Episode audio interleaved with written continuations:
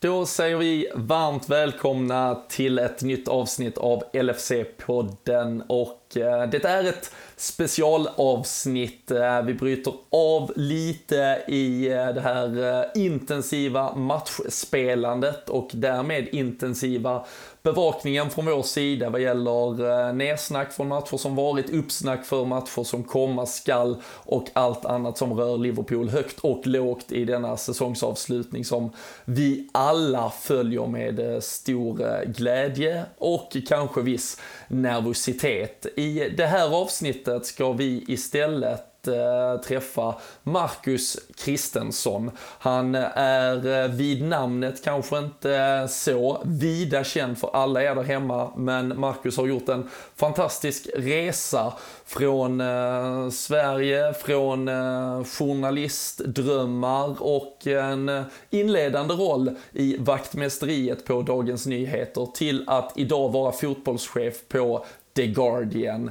Det betyder att Marcus följer såklart den engelska fotbollen, Premier League och Liverpool på ett sätt som är i det närmsta unikt. Han eh, ger oss en inblick i hur det är att bevaka världens mest bevakade liga, hur det är att bevaka ett Liverpool som på många sätt kanske är ett av världens bäst, mest bevakade lag. Och eh, så kommer vi prata eh, om eh, ja, djupgrävande journalistik kontra det här med klickisar och annat. Vi ska också prata om David Conn, den fantastiska reportern på eh, The Guardian som har varit väldigt drivande i Hillsborough-familjernas kamp för rättvisa. Det är helt enkelt ett helt fantastiskt avsnitt och eh, såklart som grädde på moset, Marcus är en Liverpool-supporter. Annars skulle vi ju såklart inte ge plats här. Men ett annorlunda avsnitt som vi hoppas ska ge er väldigt mycket nya insikter kring Premier League-bevakningen från engelsk media. Så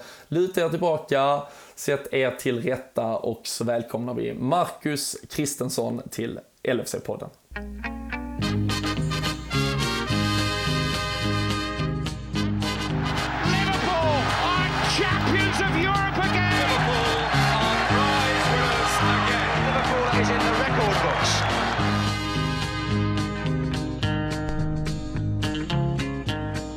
Jajamensan, då sitter vi här och eh, har eh, fått eh, väldigt fint sällskap i form av Marcus Kristensson som är med på en lina från London. Det känns häftigt att kunna välkomna till LFC-podden på det sättet. Varmt välkommen Marcus och stort tack för att du ska vara med i LFC-podden idag. Mm, tack så mycket, kul att vara med. Ja men väldigt, eh, väldigt roligt för eh, både för mig och eh, förhoppningsvis för alla som lyssnar. Jag tror att många svenskar säkert har åtminstone i olika form sprungit på ditt namn. Fotbollskanalen, en blogg som var väldigt populär men numera som jag också har presenterat dig redan här i introt, fotbollschef på The Guardian. Det blir man ju otroligt nyfiken på hur eh, man tar sig hela den eh, långa, säkerligen krokiga vägen eh, dit från svensk journalistik och allt som det har fått med sig. Och dessutom så har vi lyckats nysta fram att du har ett ganska så eh, härligt bultande Liverpool-hjärta dessutom, så det ger ju verkligen en extra edge till det här avsnittet. Men eh, först eh, väldigt kort, eh, utan att göra någon jättestor faktaruta Marcus, så kan du presentera dig lite närmare och din bakgrund för alla våra lyssnare. Absolut. Jag, eh, är faktiskt född i USA. Båda mina föräldrar eh, flyttade dit och arbetade ett tag på 70-talet. Jag är född 73, men var då två och ett halvt år tror jag när vi flyttade tillbaka till Sverige 1975 och eh, bodde då och växte upp i Rosersberg, ett härligt litet samhälle utanför eh, Stockholm med mycket idrott och, och sport och sådär. Och så Eh, bodde jag där i stort sett tills jag var runt 20 och flyttade över till England för att börja studera journalistik.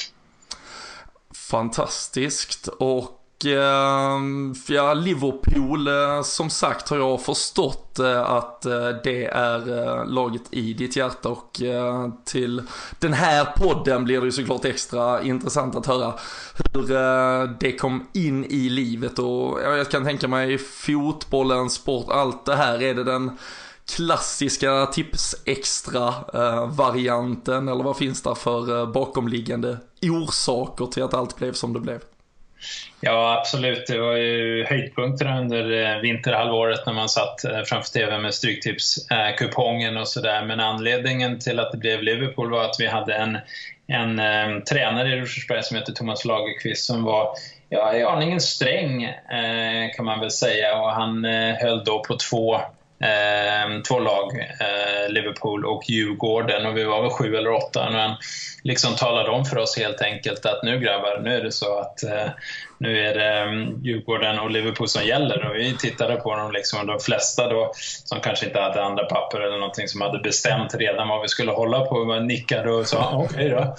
Och så blev det så liksom och så var de ju väldigt bra dessutom under 80-talet när intresset tog riktig fart och sådär. Så det var ju det var inga konstigheter och eh, som sagt mitt hjärta bultar väldigt hårt för Liverpool. Det är lite konstigt när man växte upp i en, eh, ett litet samhälle utanför Stockholm och ibland känner mig lite eh, Ja, nästan lite pinsam när man är här och, och pratar med kollegor som har växt upp i Liverpool, själva staden och, kanske gått på matcher som inte de har gått på. Och så där. Men men så är det ju lite grann. Man kan inte riktigt välja vem man håller på och hur mycket man håller på ett lag och sådär. Och nu råkar det vara så att eh, jag är svensk men eh, håller på Liverpool och, och Djurgården och så. Då är det liksom bara att acceptera. Ja, jag tyckte faktiskt, eh, på tal om det där med supporterskap och hur det fungerar med lokal klubbtillhörighet och så vidare. Jag tyckte Simon Bank skrev en eh, fantastiskt bra text om det i samband här med att eh, Tottenhams nya arena invigdes. Där han på samma sätt minns lite tillbaka till hur man förälskade sig i något som egentligen var sådär långt borta och mm. så mycket större än allting. Och den där diskussionen, jag är ju själv från eh, Malmö där egentligen varenda kompis jag har, de har ju såklart Malmö FF som lag nummer ett, men eh, något hände mm. väl med eh, ja, sammansättningen av, av gener och annat som gjorde att det, det, det fick inte riktigt fäste på mig. Och du säger ändå, det var ju Djurgården och Liverpool, men var det tidigt märkte du att Liverpool, ja men att det drömmar om något större, var det var det, det som fick det att börja växa? Jag tror nästan det är 80-talet och det är klart de har ju det är lite svårt för Djurgården att konkurrera på samma sätt när det är Europacup-titlar och eh, vi hade det där laget med Aldrich och, och Barnes och Whelan och Houghton och alla de här och det, det var ju liksom Europas främsta lag och då, då blir det ju lite större på något sätt. Så, så det är kanske naturligt och det kanske man inte ska fundera så mycket på egentligen men det, det, ibland så sitter man och tittar på då har man ju tur faktiskt att man, man liksom kan hålla på ett av eh, Europas storlag som det ser ut just nu. Ja, efter eh, ett par eh, år av eh, sorger och bedrövelser så är vi väl värda kanske att få, få brösta upp oss lite med det som Liverpool håller på att ställa till med nu här under den här vårsäsongen. Och ja, kanske de senaste åren under framförallt Jürgen Klopp så har det varit en färd tillbaka till den absoluta toppen. Men eh, när man liksom nu med facit i hand summerar en, en lång resa som har tagit dig hela vägen till England, var det mycket eh, märkte du redan i tidig ålder att du också drömde om att komma vidare från, eh, från Sverige vad gäller både fotbollen och journalistiken och när kom journalistiken in i, i livet på det sättet? Ja, det var väl eh, mina föräldrar som sagt eh, var väldigt tidiga på att vara ute och resa och lära sig språk och sådär och jobba så de skickade mig faktiskt till USA när jag var 13 år eh, för att lära mig bättre engelska. Jag åkte till Oregon i USA själv och bodde med, med några personer som de kände och åkte till Tyskland och jobbade eh, när jag var 18 i en restaurang och sådär. Så det har hela tiden kommit eh, Eh, legat oss, oss nära. Liksom. Eh, det, var, eh, det var jättekul faktiskt. Jag har mycket att tacka mina föräldrar för att jag fick den chansen att göra det. och så där. Och och det innebar att jag hade det där resandet och, och språken inom mig och sådär. Och så var det väl får man ju också erkänna att jag ganska tidigt insåg att jag inte var så bra på fotboll att jag kunde bli eh, proffs eller nå väldigt högt ens i, i Sverige och sådär. Så då tänkte jag, vad är det vad är det jag kan göra som fortfarande betyder att jag kan jobba liksom med fotbollen och inom fotbollen? Och det var inte dags att bli tränare som 14-åring direkt. Så då, där någonstans föddes liksom tanken att man kunde skriva om det, kanske. Ja, men det summerar summerar väldigt eh, snabbt. Vi är ju sex personer som lite växeldrar här i, i poddsammanhanget. Det är väl, ja, där finns en stor igenkänningsfaktor av att eh, när man insåg att man kanske inte skulle vara den som presterade på planen så kunde man försöka vara den som tyckte och tänkte högst av alla kring hur de där ute på planen presterade istället. Så det är väl en liten journalistisk ådra skulle jag tro där också. Uh, men uh, att det sen då uh, blev England ändå, om man tittar det journalistiska, sporten, att man har ja, såklart då kanske när en dröm av att skriva och vara delaktig i det och fotbollen får man väl då ändå påstå, även om engelsmännen verkligen skulle påstå att den är störst där och så vidare. Men var det just journalistiken eller fotbollen eller är det så enkelt som att det bara är kombinationen av det som gör att ja, drömmen är England och inte ja, något annat eller varför man inte kan nöja sig med Sverige och så vidare? Jag tror att, att som svensk ligger ju England väldigt nära till hands och just engelska språket är ju det som vi i, i Sverige får först genom skola och tv-serier och musik och sådär. Så engelskan var väl egentligen Ja, kanske det enda alternativet för mig. Och då, då tänkte jag just att studera och sådär. Det var inte aktuellt att åka till Tyskland eller Italien och, och börja studera på universitet. Utan engelskan hade jag delvis från, från skolan och, och resor och sådär. Så, så först tittade jag lite på USA och så var det för dyrt och för långt hemifrån tänkte jag. Och så var det universitetskurser i, i England då. Men då åkte jag ju först dit för liksom eh, gå journalistkursen på tre år och så frilansa. Då, jobbade, då hade jag sommarjobbat på Dagens Nyheter redan. Så jag kunde frilansa och, och jag var i Coventry då där bland annat eh, Rolle Nilsson och eh, Magnus Hedman. Ja, det är ju good old day. Kom inte Thomas Antonelius eller Gustafsson sedermera? Ja, ja, precis. Och då, det var ju på Highfield Road och då, då var de ju i Premier League och sådär. Så då kunde jag skriva samtidigt som jag var på universitetet. Men jag hade ju ingen tanke då liksom att jag skulle skulle stanna kvar i England utan det var ju för att få mer erfarenhet, lära mig bra engelska antagligen och kanske komma tillbaka till ett fast jobb på DN eller så. Mm. Men äh, det, det, blev inte riktigt äh, så kanske. Hur har, äh, om vi säger ändå, journalistkarriären och vägen eh, till den roll du har idag som fotbollschef på The Guardian varit? Det känns ju inte som det Ja, eh, mest själv, det, det sker ju inte bara sådär över en natt för vem som helst, hur som helst. Nej, det tar ganska lång tid och man måste nog ha ganska, en hel del tur, eh, vilket jag haft att vara på rätt tid, på rätt plats. Liksom. Det låter som en klyscha naturligtvis, men jag ska förklara lite bättre. Så det började faktiskt med att eh, min pappa sa åt mig att skicka ett, ett brev till eh, de fyra största svenska tidningarna då i Stockholm och, och säga liksom att jag kan göra vad som helst, spelar ingen roll eh, vad det är. Och, och, så där. och så gjorde jag det, hörde ingenting från tre. Så fick jag ett telefonsamtal från DN som sa att vaktmästaren på kulturredaktionen ursäkta, var sjuk eh, och om jag kunde komma in och vikariera för honom. Eh, och jag åkte in. Dröm, drömjobb för en eh, ung aspirerande journalist. Eh, men eh, min pappa hade ju alldeles rätt där, för det var ju liksom en, en steg in i, i DN-huset och så. Så han var sjuk och så blev han sjuk lite längre och så var jag där i två, tre månader och så tog jag mod till och eh, gick ner till sportredaktionen med, en, med liksom en, en uppsats jag hade skrivit och fått rättat av eh, de bästa journalisterna på kulturavdelningen. Så klev jag ner där och sa jag kan göra vad som helst här också, spelar ingen roll och sådär. Och så hörde jag inget och så blev, var det väl någon basketmatch en fredagkväll som jag kan tänka mig att ingen annan ville gå till. Och så hörde de av sig. Och så gick jag på eh, den här basketmatchen och skrev ett eh, reportage här och fick då min första artikel tryckt i DN. Och det var helt fantastiskt måste jag säga, som jag tror alla journalister som har haft den, den känslan liksom är helt underbara. Så jag, liksom, det var bästa känslan i världen att gå upp och köpa tidningen då på på lördag morgonen och, och sådär. Och så jobbade jag där, också, men så fanns det hela tiden den här gnagande känslan att jag, jag tror jag var 20 eller 21 och att man, man ville ut mer, prova, prova om man kunde gå ett steg längre eller några steg längre och sådär. Och så blev det då först universitetet i England och sen eh, olika steg på vägen till The Guardian. Mm, fantastiskt.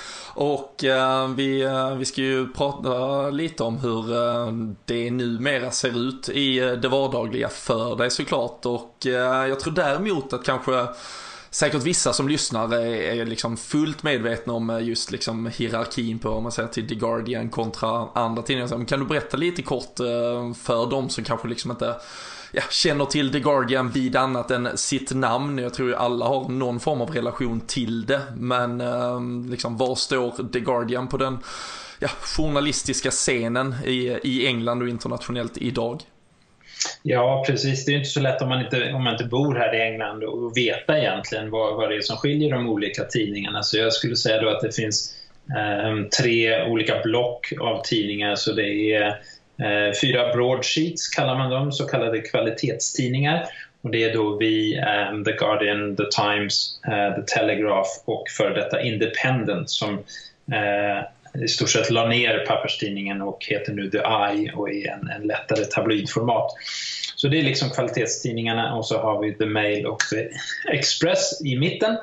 Och så har vi de riktiga tabloiderna då som är The Mirror, The Sun och The Star. Så jag är ganska stolt över att få jobba på en kvalitetstidning som dessutom håller sig lite åt vänster eh, på det eh, politiska mm. spektrumet så att säga medan The Telegraph och The Times är väldigt till höger och Mail är höger och sådär så det är egentligen bara vi och The Mirror som ligger på vänster. om man tittar politiskt sett, vilket är viktigt här i England men inte har någon betydelse egentligen när det kommer till sportrapporteringen. Då. Och eh, det man också ska säga är att vår, vår pappersupplaga, tidningsupplaga, är inte den största, den är minst av de eh, kvalitetstidningarna. Men också så har vi flest läsare i, i liksom på nätet i världen eh, av alla engelska tidningar, eh, förutom The Mail. Och vi är alltså näst störst i hela världen, tror jag, engelskmässigt. Engelskspråkig alltså tidning Eh, på nätet med, eh, jag tror det är 60 miljoner läsare varje månad. Ja, det är ju fantastiska siffror. Lite svår finns där, eh, nu, nu skjuter jag ju från höften och ska absolut inte kräva dig på något sånt, men i förhållande ja. till svenska tidningar, alltså vad, vad har liksom Aftonbladet kontra, alltså vad pratar vi för enorm storlek om man vill försöka sätta det i någon relevans? Ja, jag vet inte, men det där är ju språket liksom en ja. riktig tröskel för svenska tidningar. Jag tycker det finns mycket bra svensk journalistik och sådär, men, eh, men det finns ju bara nio miljoner svenskar också och alla läser ju inte tidningarna. Så, eh, jag vet inte exakt Nej siffror ligger på. Alltså. Men det är ju det som är så tacksamt att jobba för en engelsk publikation för det, det, den kan ju liksom läsas världen över. Så bestämmer man sig för att göra något och det är bra så, så är ju liksom eh, då blir det ju läst av otroligt många personer. Ja, det är fantastiskt. Får ni eh, förresten plats med någon eh, sport så här i Brexit-tider? Ja, fast ibland så är det det är väldigt knepigt på kvällarna när vi har eh, sena deadlines och sådär. Det är någon stor Brexit-omröstning och vi liksom har sex matcher på gång och sådär. Då är det, då är det kalabalik. När det, när det är slagsmål i parlamentet. Precis, och liksom, då får vi fightas om vilka, hur många sidor vi kan skicka sent och sådär. Men det, det brukar gå bra. Ja, fantastiskt. Mm. Hur, eh, hur ser då en, eh, en vanlig dag ut för dig och liksom vad ligger, om ja, väldigt kortfattat, någon form av jobbeskrivning utbildning på, på ditt bord och hur eh, ja, din roll i den dagliga liksom, driften av tidningen ser ut? Ja, alltså jag har ju, jag får ju, jag har ju som tur då att jag kan bestämma i stort sett vad vi gör och vilka personer som skriver om vad vi ska göra och sådär. Så det är jag och en kollega som heter John Brodkin som är väldigt bra också.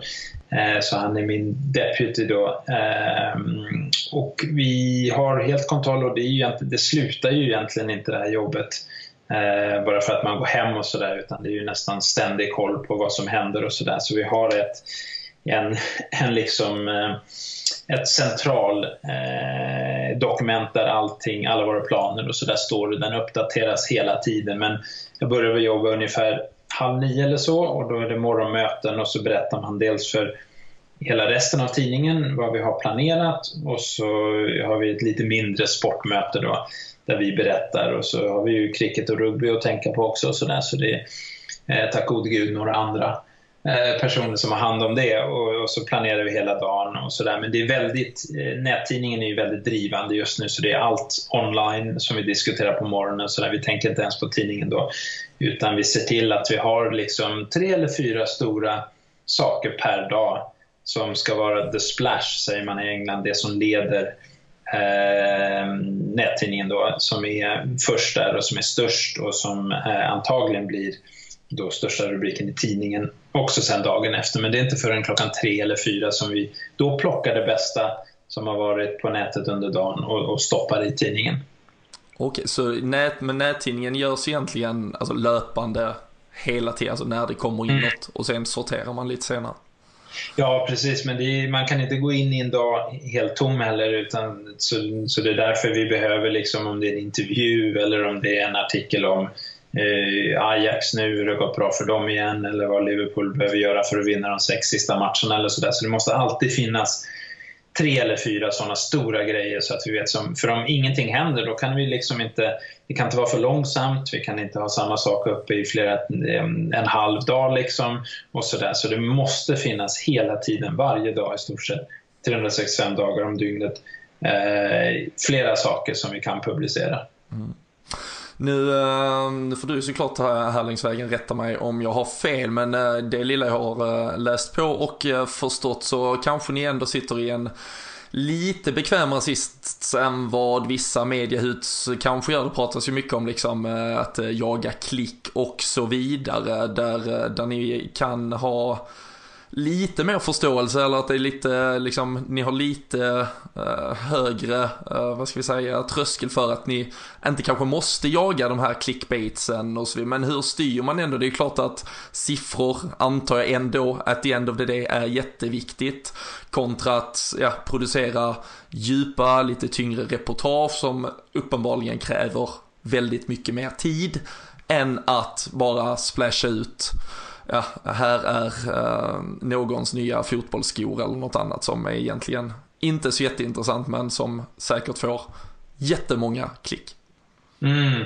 Nej, verkligen, du har helt rätt. Det är, vi ligger, där ligger vi jättebra till. Vi ägs av en, eh, en trust, en Scott Trust, eh, som vars mål, enda mål, det är att, och bedriva journalistik. Så det är Naturligtvis behöver vi läsare, för då får vi mer pengar för reklamen och sådär.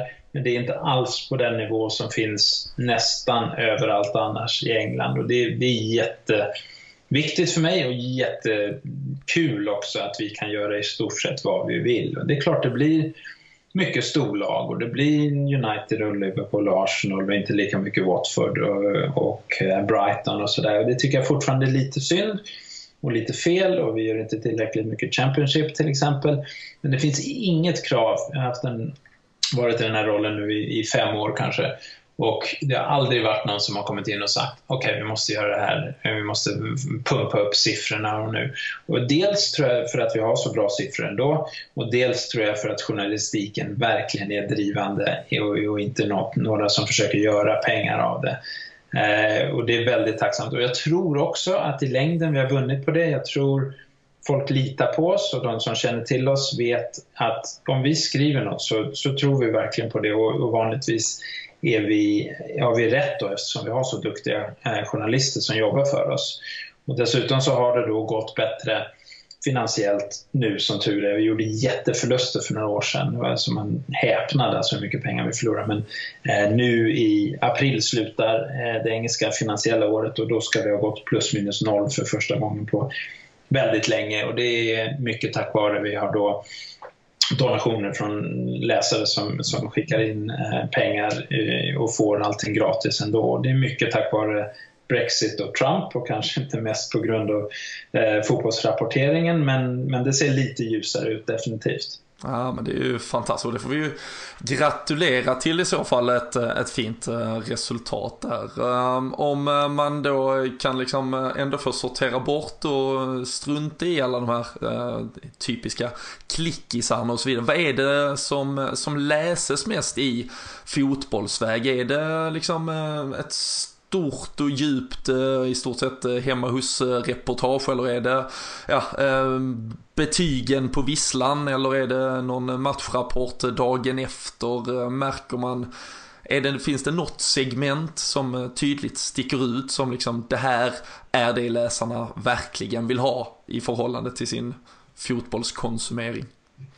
Ja, jag, jag tror det faktiskt. Det är, det är, några grejer, några, några skribenter framförallt som är väldigt starka hos oss, till exempel Daniel Taylor som har vunnit Football Journalist of the Year de senaste tre åren nu och det var han som, eh, som började rapporteringen om de här eh, sex och pedofilskandalerna inom engelsk fotboll och han har ett otroligt stort förtroende bland läsarna och, och för, helt välförtjänt. Han, han är helt fantastisk och det är väldigt kul att vi har honom för han är, han är helt klart bäst i England tycker jag. Och så har vi Bonnie, andra skribenter som Bonnie Ronay och Sid Lowe och Jonathan Wilson och sådär. Så man märker att våra läsare vet vilka eh, journalister de tycker om och kommer ofta dit och, och läser hela artiklar och sådär. Annars är det stora intervjuer, stora reportage, Hillsborough med David Conn som vi ska prata mer om senare eh, och sådär. Och, och, just nu är det mycket eget också, som vi har en en intervju som Sid Lowe har gjort i, i, Spain, i Spanien kanske, så, så, så, märker man det. Om det är något eget eller en, en, en, en, en nyhet som bara vi har, då, då, då kommer läsarna i stora drevor. Liksom. Eh, och det finns ju så många nu eh, Eh, det är inte bara tidningarna här utan det är 365 och ESPN och Bleacher Report och sådär som gör fotbollsnyheter och så goal och, och sådär. Så man får ju verkligen vara, vara på tårna då och se till att man gör bra saker. Och det, det tycker jag vi gör. Sen är vilket jag tycker är ganska intressant. Vi gör, eh, varje fredag morgon och varje måndag morgon så gör vi Eh, Premier League 10 things to look out for och eh, sen på måndag morgon gör vi 10 things 10 eh, talking points och där och de är otroligt populära.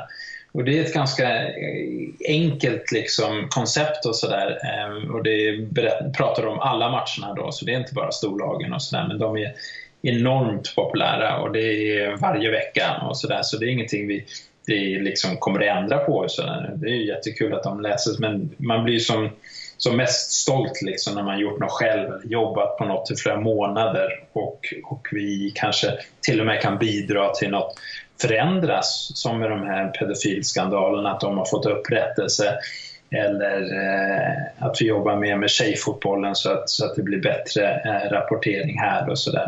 Det är ju helt fantastiskt. Ja, nej men det är verkligen, eh, det är ju journalistik som gör skillnad och eh, som du nämnde där så ska vi prata om eh, David Conn och det är ju eh, väldigt aktuellt just nu kring Hillsborough. Vi ska, vi ska återkomma i det ämnet. Du nämnde också här på populära segment, intervjuer till exempel, men jag kan tänka mig att exklusiva intervjuer med åtminstone spelare, ledare, inte längre är liksom fallfrukt produkt och något man eh, kan ta för givet att eh, fylla tidningarna med. Hur är er, och där, där kan du prata lite mer specifikt för The Guardian då, relation till klubbarna eh, i Premier League och eh, såklart framförallt eh, om det finns något i Liverpools relation som du har upplevt till media som är annorlunda kontra andra lag. Ja, det, det blir tuffare och tuffare, det måste man erkänna. Det är, eh, det är svårt att få intervjuer och det kan jag förstå också på ett sätt för att det är mycket med TV och de som har betalat miljoner och miljoner då, eh, för att sända Premier League, de får ju sin beskörda del då liksom och då blir det inte så mycket kvar till tidningarna. Så jag kan säga att vi har ungefär en eller två spelare från de flesta klubbar exklusivt till oss eh, per säsong. Eh, Arsenal får vi ingenting ifrån. De är, har blivit helt... De har stängt in sig på något sätt. Det är jättekonstigt. De, eh, de gör bara sina in-house, kallas det här, med sin egen... Eh, med, med, med Arsenal Fan TV? Nej. Ja, precis. Och sina egna journalister och sådär, så de gör ingenting. Tottenham brukar vi få en eller två. Eh, City också och sådär. Och Liverpool en eller två också. Så det är ganska standard för storklubbarna då. Men jag vet inte om det kommer att hålla speciellt länge till för pressen på, på dem blir också eh, större och större intervjuer med, med asiatiska och amerikanska företag och sådär. Det, det får man kanske acceptera. Eh, jag tycker Liverpool är en av de bästa klubbarna att hantera pressen i, i England. Eh, vi har en jättebra relation med eh, deras pressansvarige Matt McCann som är faktiskt trevlig och han kan bli arg om jag skriver något som han gillar ibland men det är en öppen diskussion och han förstår vad vårt jobb är och vi förstår vad hans jobb är och sådär. Och, och på det byggs ju en viss respekt då eh, istället för att det finns några som jag kanske inte ska nämna, Eh, för att vi ska få någon intervju i framtiden så, som liksom har en väldigt enkelriktad syn på det här är dåligt för klubben, det kan inte skriva. Eh, men jag tror det, det, finns många också som accepterar att en journalistik är viktig, att vi har en roll att kolla eh, och se till att klubbarna gör rätt och att det, det inte är något eh, som, som går snett bakom eh, kulisserna där också. Så, där. så jag har väldigt stor respekt för Liverpool och hur de arbetar och de också eh, ibland eh, gör så att spelare är tillgängliga för alla dagstidningarna då så att eh, in, inte, så det är de här sju, åtta jag pratade i början och då kanske de, de skickar ett meddelande och säger att Gini Wijnaldum är, är nu tillgänglig på torsdag klockan två. Eh, ni får dela dem, men det är som en intervju. Men de, den kommer då att, att, finnas i alla tidningar då. Men jag tycker det är långt bättre än att aldrig få prata med någon spelare under hela säsongen. Såklart. Men uh, hur mycket uh, styrs det i sig? För det är ju en sak att uh, kunna bli inbjuden till, eller att få en exklusiv intervju med Sherdan Shakiri uh, kontra att den scen också har eh, tre, fyra asterixer eh, till sig att eh, det ska nämnas eh, vilka skor han spelar i och det ska nämnas att han trivs si och så fantastiskt. Finns det liksom, kommer det sådana restriktioner redan? Ja, här har ni honom men det här ska också stå med eller hur fri är journalistiken kring det egentligen numera? Ja, han, det, vi har ju ganska strikta regler på The Guardian och det betyder att vi missar vissa intervjuer eh, som kanske andra kan göra. Och, eh, men det gör också att vi har ändå en eh, editorial code, eh, som det heter på engelska, som gör att vi måste följa. Så vi gör väldigt sällan någonting. Eh, och det, det, får inte vara någon sån här smygreklam, utan gör vi något så så får vi skriva i slutet eh, att den här intervjun eh, facilit was facilitated by eh, Adidas eller någonting. Vi får klargöra det helt enkelt, annars får inte vi eh, enligt våra egna regler då, då göra den intervjun och sådär. Så vi, vi tackar nej till otroligt mycket från, eh, från sponsorer och sådär. Och det, det tycker jag är rätt för de blir, väldigt, de blir ofta väldigt tråkiga intervjuer också. Och, och, så där, och det, det, är inget roligt. Så, så, det är roligare om någon, någon spelare liksom kan vara öppen och vara en, en, en vanlig intervju mellan två, två personer som är intresserade av att höra mer om vad de har för bakgrund och sådär till exempel. Men det, det, det, finns många som David Silva på City, han pratar bara om han får eh, då ska det vara, jag tror det är bilder på hans, eh, eh jag tror han har lite eh, lägenheter på Mallorca eller någonting som man försöker sälja och så, och så ska det nämnas i texten och så där. Och då tackar vi nej och så är det typ sju som har en David Silva-intervju en söndag och vi har inte det men jag, jag tar det liksom det är helt sinnessjukt att spelare som eh, tjänar de pengarna de gör eh, tycker att det är nödvändigt. Men eh, ja, det, det är väl svårt att kanske förstå för, för, för oss dödliga här, här nere så att säga. Men om, du, om du gräver lite där i ditt då, arkiv kring, kring Liverpool, har du sprungit på liksom någon, ja, i, i den roll du har haft här, om du kanske tittar de senaste åren där ni har sprungit på en så här riktigt guldkorn, man har fått någon intervju där man har känt att här, här fick vi något eh, verkligen speciellt? Ja, vi fick eh, faktiskt göra Jürgen Klopp eh, förra året och då, då gjorde Eh, Donald McRae heter han. Eh, en, eh, han är intervjuer of the year i England och han är otroligt bra på intervjuer. Han gör intervjuer bland annat Zlatan och, och, och, många, många stora kändisar. Så han fick vi i, i, kanske var det en månad före Champions League-finalen eller så. Eh, och det blev en kanonintervju och han öppnade verkligen upp. Han pratade om Brexit och sådär. Så det var helt underbart. Så vi gjorde en lång, stor intervju på flera sidor i tidningen. Och, så där. och det, det var härligt. Men då, då hade vi fått honom av, av Liverpool då, och det var, ja, det var underbart.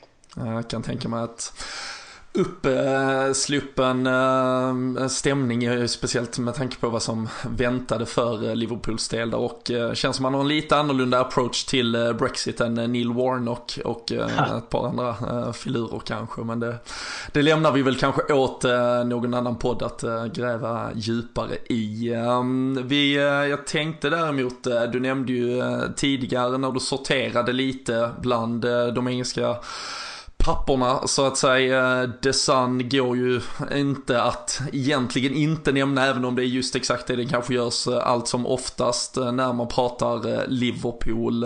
Den är ju av väldigt många förklarliga anledningar ganska långt ner på ja, kärleksstegen om, om de ens tar sig någonstans vad gäller sin närvaro i Liverpool. Och hur för eh, svenskar som eh, såklart liksom väldigt enkelt bara kan, ja men det där det är alla i Liverpool hatar Desan och Desan är skit och ditten datten och det är ju klart att den approachen finns ju överallt. Men hur ser faktiskt verkligheten ut kring Desan och Liverpool och eh, alltså hur rapporterar de idag om Liverpool?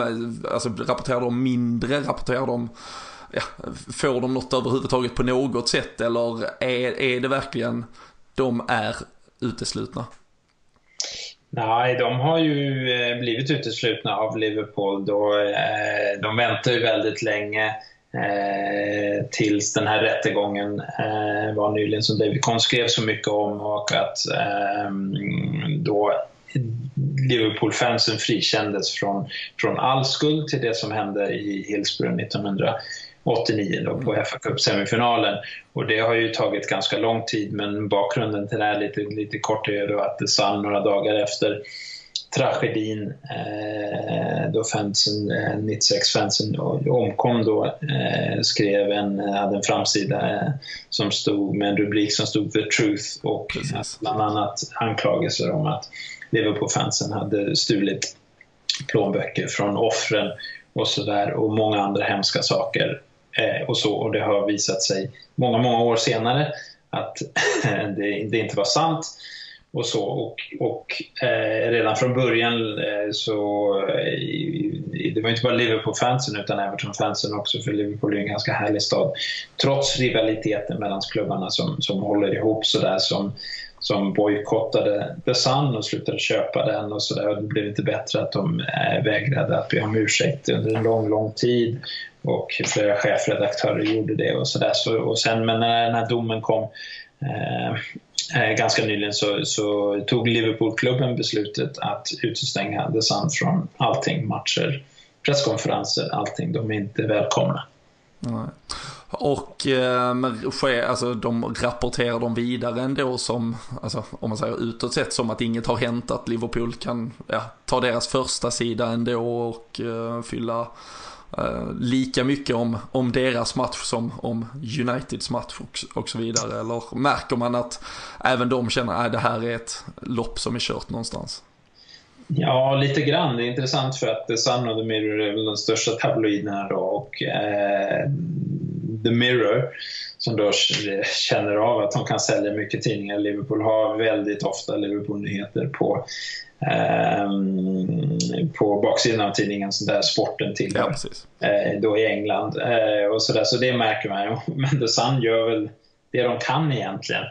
Eh, så det är ju liksom, de har ju rapporter från matcherna och, och försöker skriva av presskonferenserna för citaten från Klopp och spelare finns ju på nätet inom liksom 15 minuter och sådär så de kan ju plocka upp mycket och titta på matcher på TV och sådär så det, det funkar väl men jag tror alla i England vet vet vad det är och, och håller man på Liverpool så finns det inte en chans liksom att man går och köper en The Sun eller någonting. Så de har förlorat en stor stad med all rätt eh, på, på grund av deras rapportering.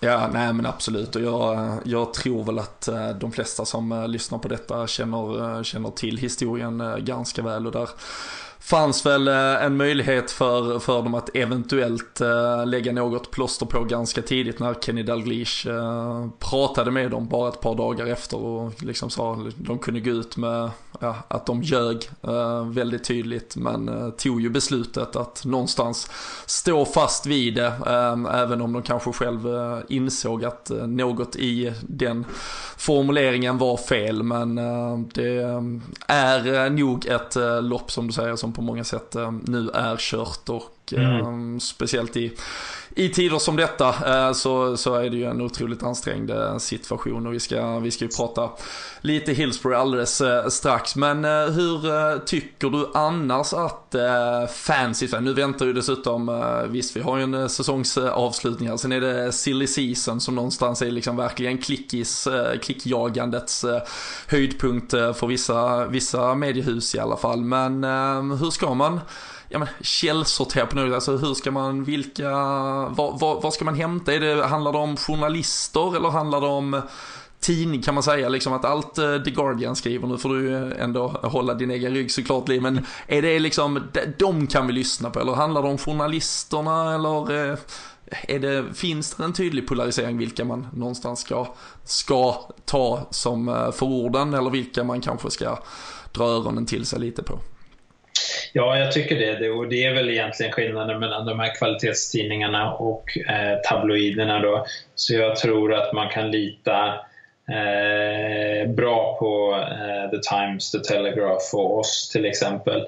Eh, och jag tror inte eh, att The Mail skulle medvetet eh, publicera något som var fel. Men sen kommer man till tabloiderna, då kan man knappt lita på någonting. De, de gör sån rapportering som man bara häpnar. Det är lös, lös, ehm, lösa rykten från eh, kan vara någon italiensk eh, webbsajt som ingen har hört talas om eller någonting och sådär. Det är ganska som journalist blir man lite nästan arg.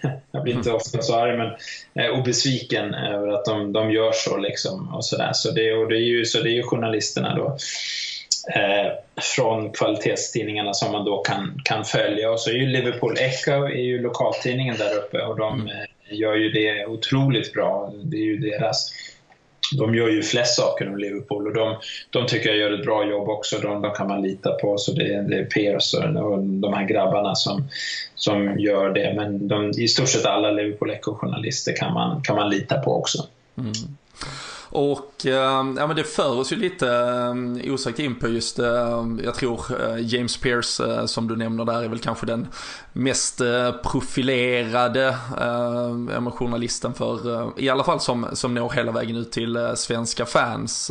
vi har Paul Joyce, vi har Andy Hunter hos er, vi har ja, men en Melissa Reddy som har tagit eh, väldigt mycket steg den senaste tiden och eh, får väl anses någonstans vara lite inne i den där eh, innersta kretsen någonstans och det har ju blivit väldigt tydligt här över de senaste åren och framförallt kanske när det är till de här stora nyheterna att ja, men en spelare har blivit köpt eller såld.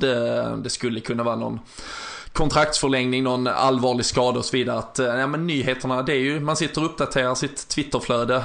Det brukar väl vara 23.30 tror jag, svensk tid. Man sitter och så och så smäller det ding, ding, ding, ding, ding med uh, ungefär två sekunders mellanrum från allihopa och de skriver exakt samma tweet i stort sett och man tänker ju då sitter de där tillsammans. men där kan man ju såklart, ja, jag tror vi alla förstår att någonstans så är det liksom, det, här har klubben sagt nu ska ni göra si eller så, men hur fungerar det här, eh, ja men någonstans embargo som, eh, ja, jag antar att Liverpool ger dem nyheten men med restriktioner att det är si och så här den måste förmedlas. Precis, det är, det är ju väldigt engelskt kan jag tänka mig. Eh, men det är just det där embargo som det kallas, så, så nyheterna släpps.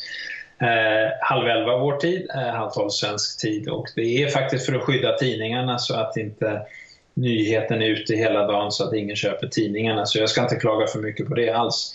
Utan det är ju en jättebra position att vara i. Och det är inte så att jag ska inte säga att Liverpool styr direkt vad man skriver för det, det finns de gånger då, då de säger något och vi inte tycker det är värt att rapportera eller sådär men det är, informationen kommer från klubben och det kan vara då att de är, har lagt ett bud på Shakiri eller van Dijk eller någonting och, och sådär och så har då det är de eh, Melissa är väl med där, men det, det, är de journalisterna som tillhör tidningarna som har det.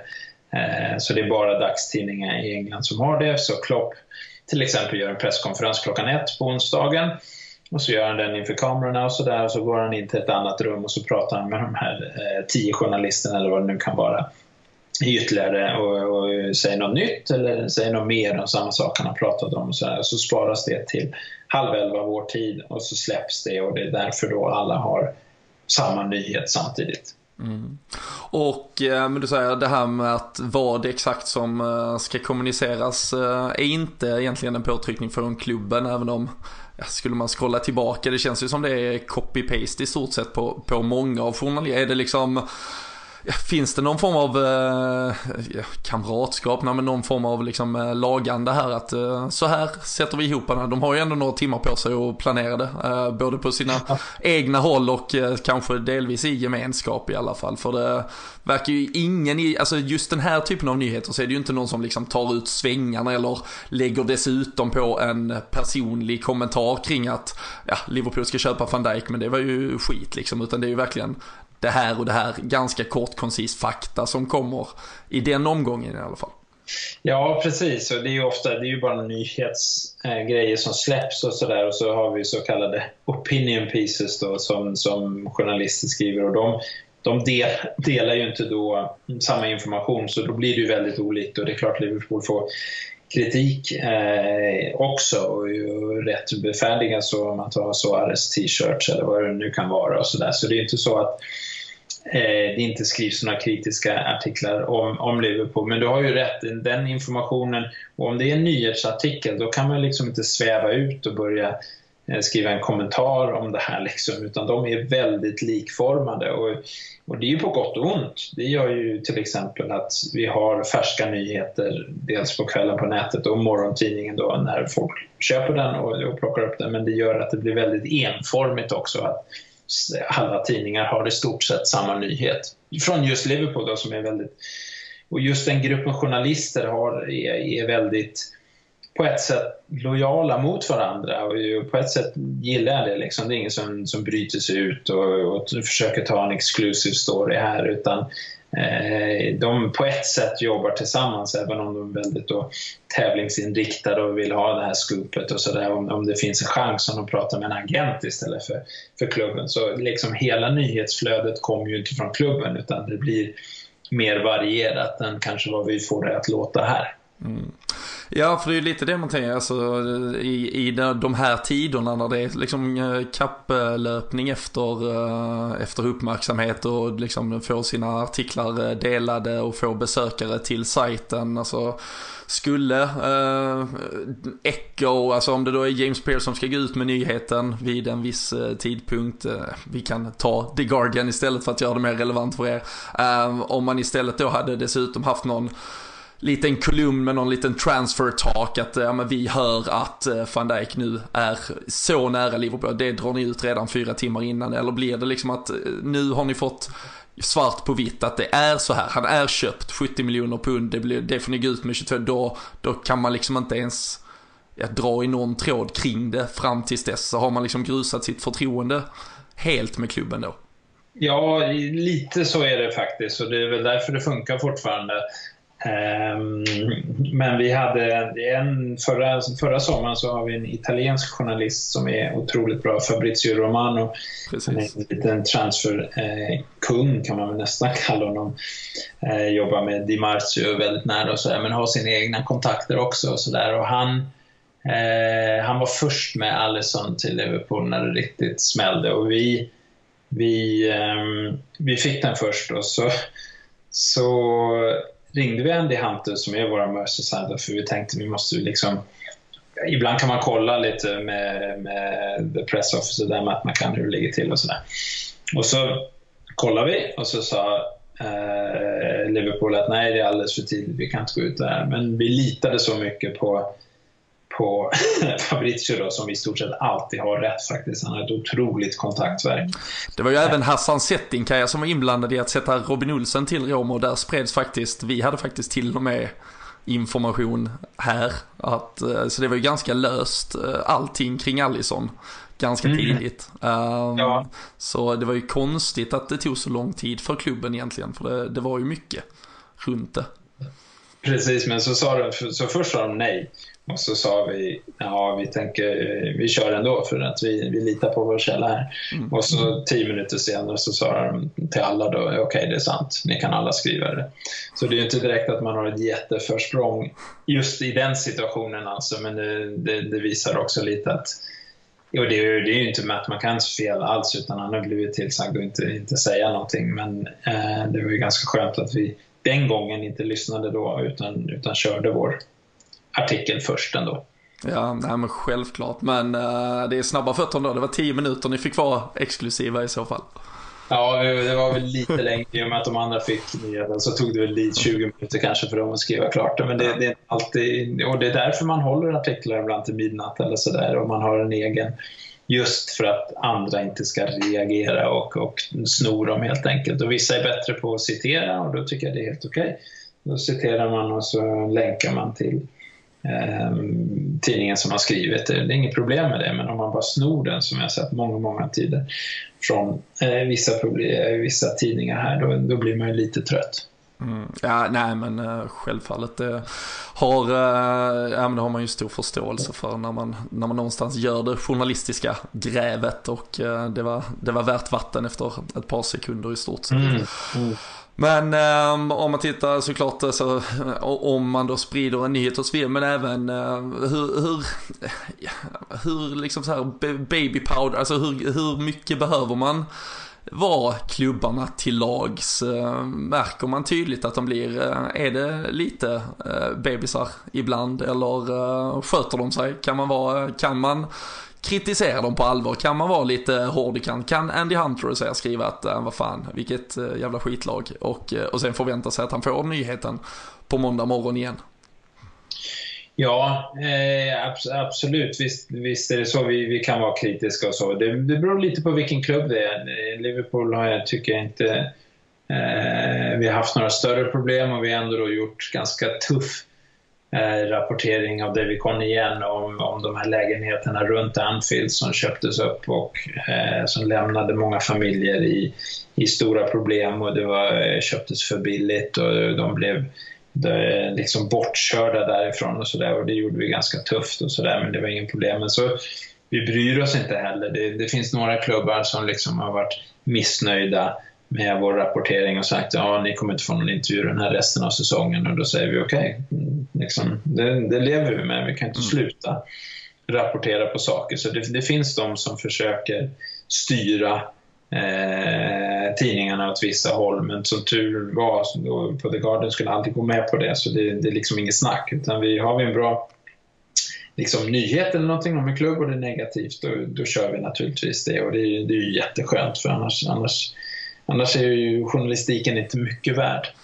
Nej, annars eh, landar man någonstans eh, snarare bara i något eh, ja, köpslående med hit och dit. Så det är ju skönt att veta och en passning till alla svenskar där hemma eh, som ska eh, sortera eh, bland sina engelska eh, medier eh, vad gäller både journalister och eh, tidningar. Jag tror att eh, det kan vara bra att eh, lyssna. Man får väl spola tillbaka lite här om man eh, missade exakt vilka som ligger kanske i rätt vågskål och vissa vilka som inte riktigt eh, gör det. Eh, det är ju eh, i dessa tider väldigt viktigt med mm. källkritik så det, det, kan vi väl inte nog po poängtera här helt enkelt. Um, när, uh, när vi spelar in uh, detta här idag, vi sitter måndag den eh, 8 uh, april, eh, det är således en vecka fram till den 15 april som såklart, som vi har varit inne på tidigare, är en mörk dag i Liverpool-historien 1989 på Hillsborough. Ehm, um, 96 människor som till slut Eh, blev det ju som fick sätta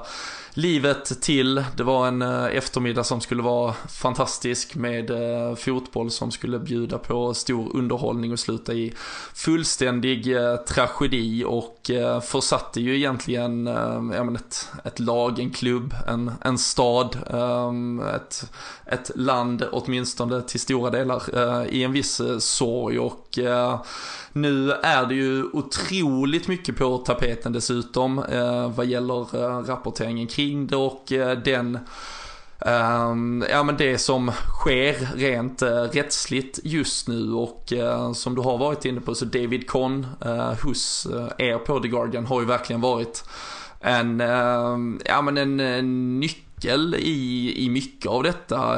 Liksom, han har ju drivit på och inte vikt av en tum. Ehm, jag kan bara tänka mig att den journalistik han har bedrivit knappast är den som ja, ger ändå, alltså den kostar ju mer än att skriva om eh, att Alisson är klar för Liverpool om man säger så här. Hur, mm har man, hur, hur, väger man det där? Går det att väga liksom, eh, ja, bra journalistik? Var, och var går gränsen för det här som han till slut nu börjar liksom någonstans närma sig en vägs ände kring det. Det har ju förändrat Förhoppningsvis kommer det också att förändra kanske ännu mer, men det har ju förändrat otroligt mycket redan. Det är ju... Eh, mm.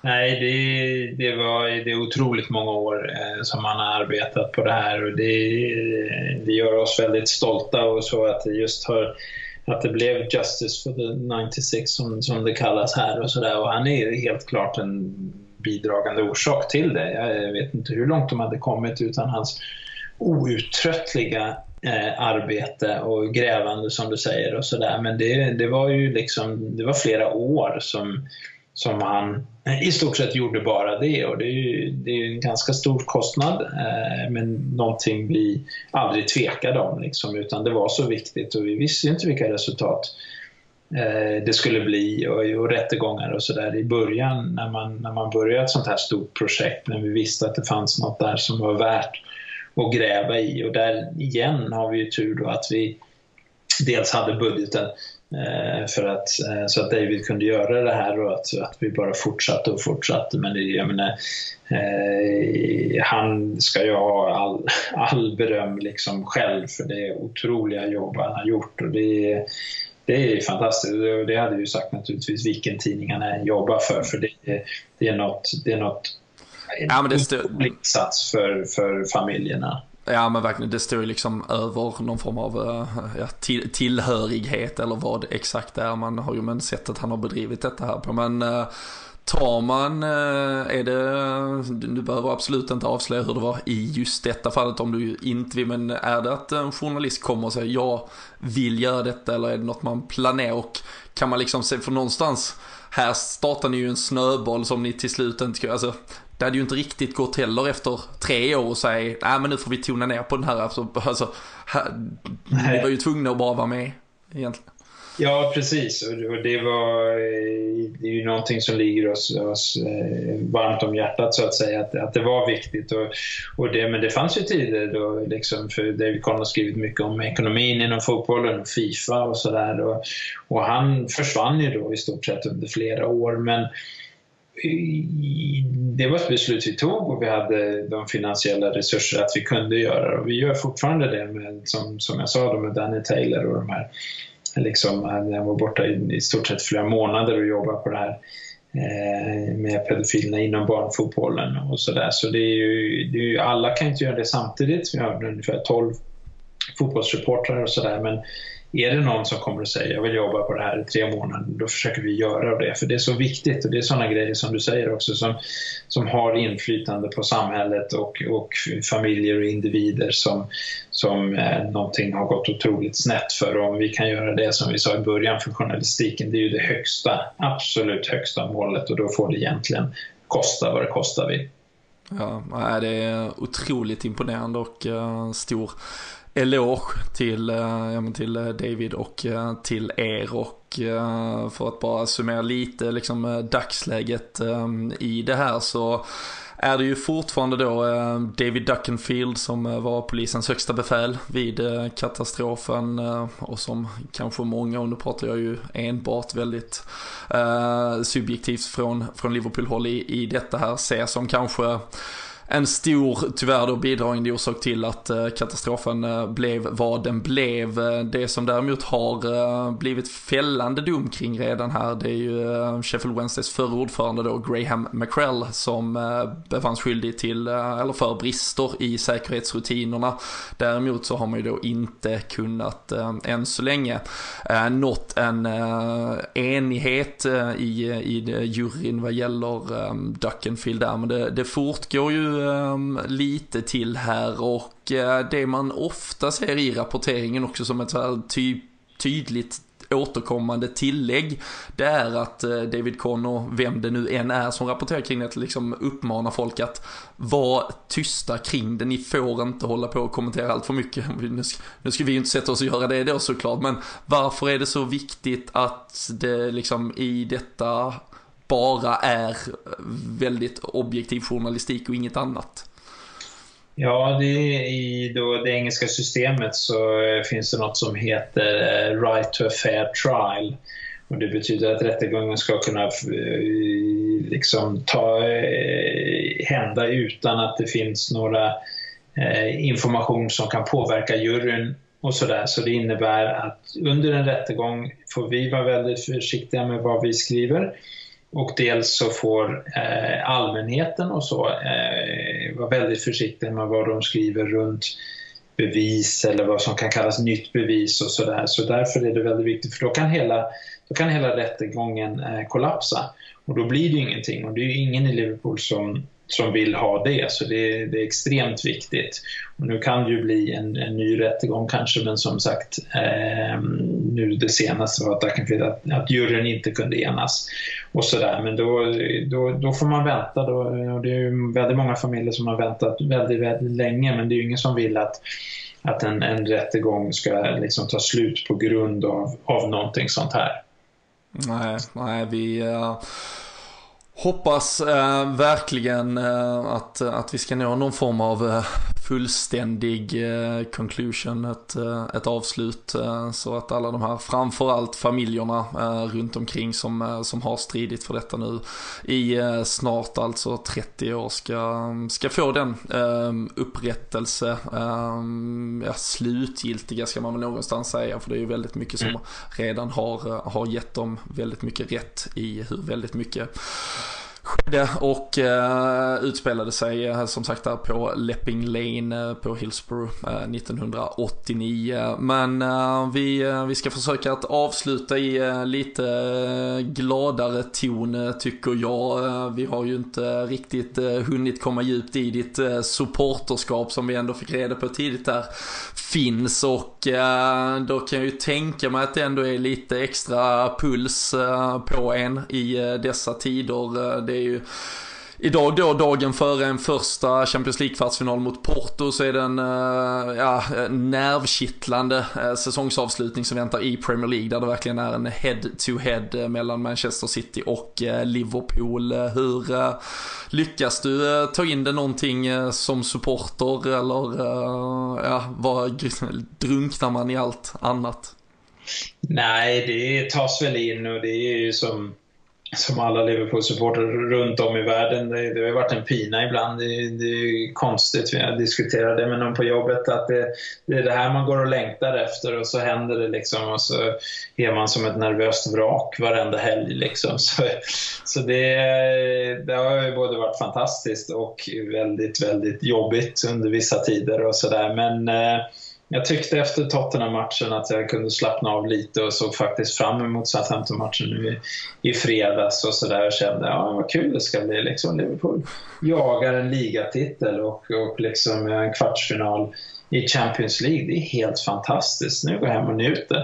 Och så gjorde Shane långmål efter nio minuter i och för sig, så var det inte så mycket njutande. Men, men jag kände mig lugnare lite sådär och jag accepterar eh, lite grann om, om, eh, om City. Men sen tror jag det kommer bli värre om till exempel City tappar två poäng och Liverpool helt plötsligt leder ligan och det är fyra matcher kvar eller något, då blir det nog olidligt. Ja, uh, verkligen. Det är en uh, helt galen avslutning uh, vi, vi har framför oss här. Kommer du få chansen under sluttampen att uppleva någonting på plats på Anfield eller hur lyckas du sortera ja, i kalendern? Väldigt, väldigt svårt tyvärr. Jag brukar försöka åka en gång om, om året och jag är medlem och sådär i klubben men det är väldigt svårt att få biljetter. Eh, ibland verkar det lättare att få biljetter från Sverige genom vissa eh, resebolag och sådär än det är från, från att vara medlem här för de släpps ju två gånger om året och sådär och det blir svårare och svårare. Sen har jag lite kontakter på Uefa, Uefa som gör att jag kan gå på lite Champions League-matcher ibland och sådär men, men det är max en gång om året tyvärr. Du har inte börjat fila på någon akkreditering till sista matchen för att eventuellt Nej, det, det, får vi nog inte göra. Och den är full då, pressboxen kan jag tänka mig. Men däremot ska jag verkligen försöka se till att åka upp, ta ledigt från jobbet och eh, åka upp dagen efter eller sådär om det nu verkligen blir eh, så bra som vi hoppas.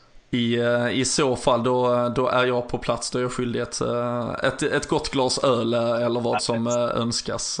Så hoppas, vi, så hoppas vi att det är en, en, en segerskål vi, vi får utbringa där helt enkelt. Men stort, stort tack för att du tog dig tiden och gästade LFC-podden. En fantastisk inblick i hur engelsk media, The Guardian i synnerhet såklart fungerar och jag tror det var väldigt många bra lärdomar eh, för, eh, för oss svenskar att eh, ta med oss i framtiden här till när vi följer med i mediebruset och förhoppningsvis lär oss att sortera lite. Så stort, stort tack och lycka till med ja, säsongsavslutningen här och allt annat som framtiden bjuder på helt enkelt. Mm, absolut, jättekul att vara med och eh, alla lyssnare kan höra av sig på Twitter eller vad de gör om de har några frågor. Det är, det är bara kul att prata media och Liverpool och fotboll eh, och framförallt med svenskar då. Eh, så ehm, lycka till då allihopa. Ja, fantastiskt. Vi ser till att eh, tagga in dig här på Twitter i eh, avsnittet så tackar vi och eh, till alla lyssnare så önskar vi en fortsatt eh, härlig vecka och eh, som vanligt så är vi alldeles säkert tillbaka snart igen.